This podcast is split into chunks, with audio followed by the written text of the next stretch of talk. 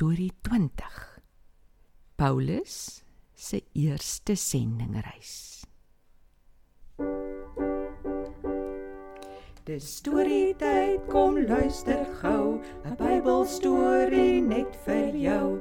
'n Storie van ons Jesus Heer, kom luister en kom leer. Kom luister en kom leer. Julle sal krag ontvang. Julle sal krag ontvang. Hallo, Angel. Hallo Tobias en Mats. Tobias?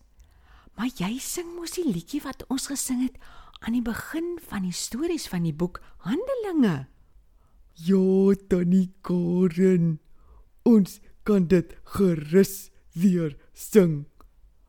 Ek onthou Tannie het daai dag gesê die stories van Handelinge gaan oor reis en oor krag.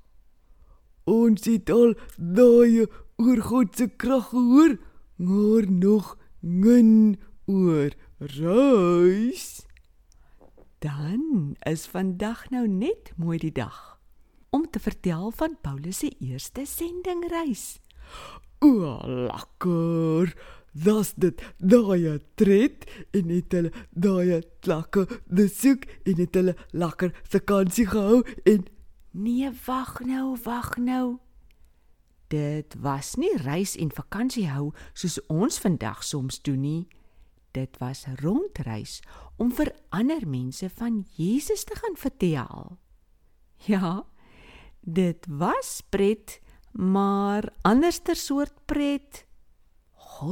Het sy krag oral gewys en dit het baie mense gelukkig gemaak.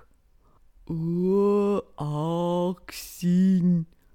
Nou vertel asseblief dat het gebeur. Mats, Tobias, eendag was die gemeente van Antiochië besig om te bid en te vas.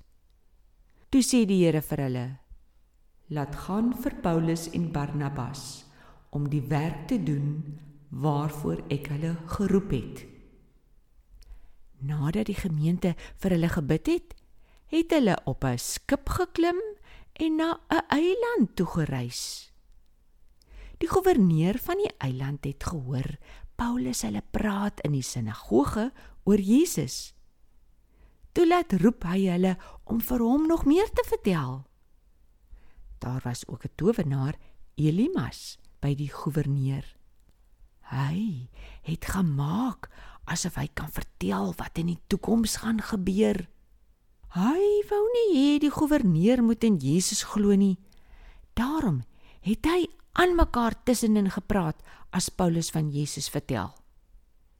Die Heilige Gees het vir Paulus gewys dat Elimas eintlik 'n skelm is. Paulus raas toe vreeslik met Elimas. Duivels kind. O, oh, skelm. Jy is mos 'n vyand van alles wat goed is. Hou op om so in die Here se pad te staan. Die Here gaan jou nou straf. Jy gaan vir 'n tyd blind word.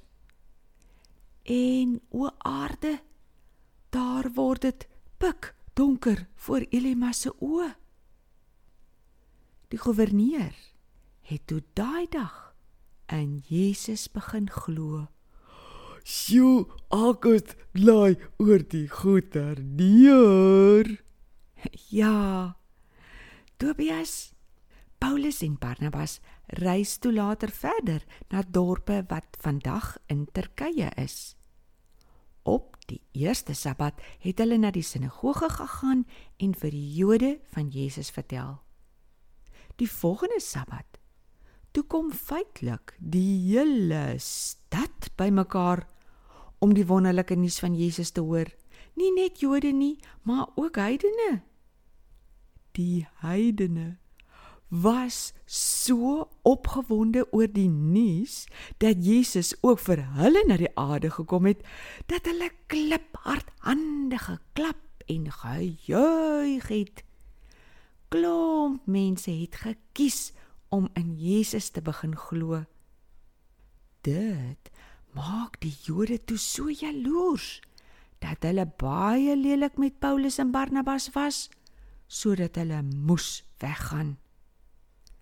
By die volgende stad het dit net so moeilik gegaan, maar God het vir hulle krag gegee om aan te hou vertel totdat hulle later maar moes vlug. Tog het God wonderwerke deur Paulus hulle in daai stad gedoen. Tannie het hulle toe naar Ot gehou vertel oor Jesus. Dit klink glad nie singy of die reis lekker das nie. Die mense das dan so lelik met Paulus hulle. Tobias Die Here self het vir hulle die opdrag gegee om mense van Jesus te vertel en daarom het hulle aangehou daarmee. Hulle was ook so vreeslik bly oor elke mens wat in Jesus begin glo het. In die volgende stad het hulle 'n man gesien wat nog nooit kon loop nie. Paulus sien toe die man begin glo terwyl hulle praat van Jesus. Paulus sê toe vir hom: "Staan regop op jou voete."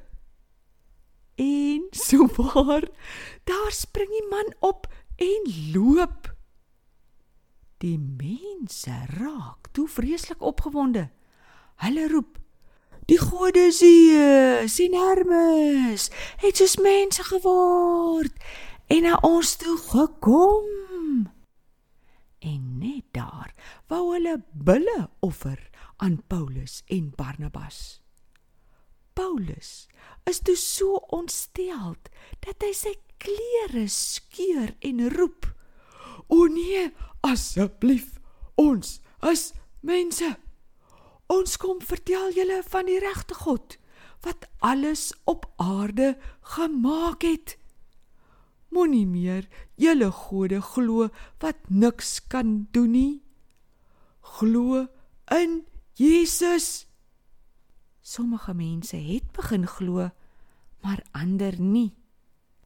Op 'n dag het die wat nie geglo het nie vir Paulus met klippe gegooi totdat hulle gedink het hy is dood. Dan nie. Nee. Tobias Die gelowiges het rondom hom gaan staan en souwaar daar staan hy op en gaan net weer in die stad in. Oh, sjoe. Dis fantasties.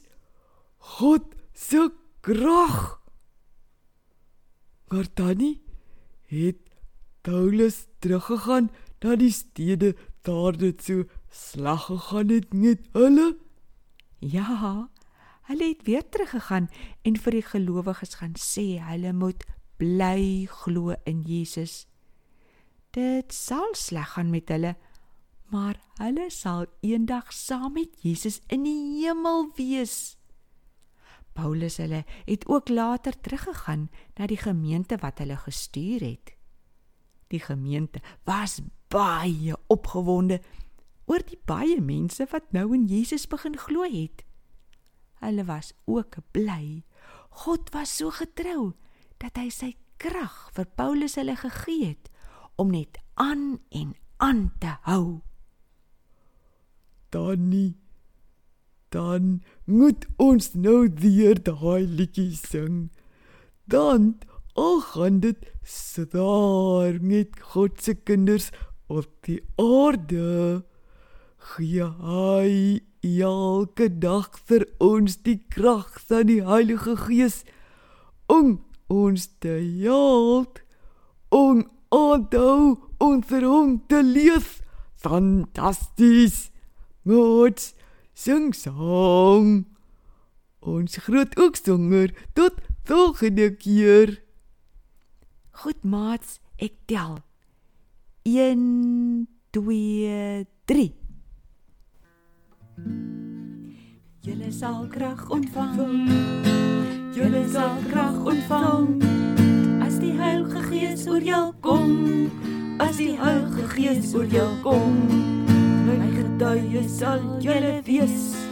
My getuie sal julle wees in Jerusalem, hele Judea, Samaria, die uithoeke van die wêreld, van die wêreld, van die wêreld. Julle sal krag ontvang. Julle sal krag ontvang as die Heilige Gees oor jou kom. As die Heilige Gees oor jou kom.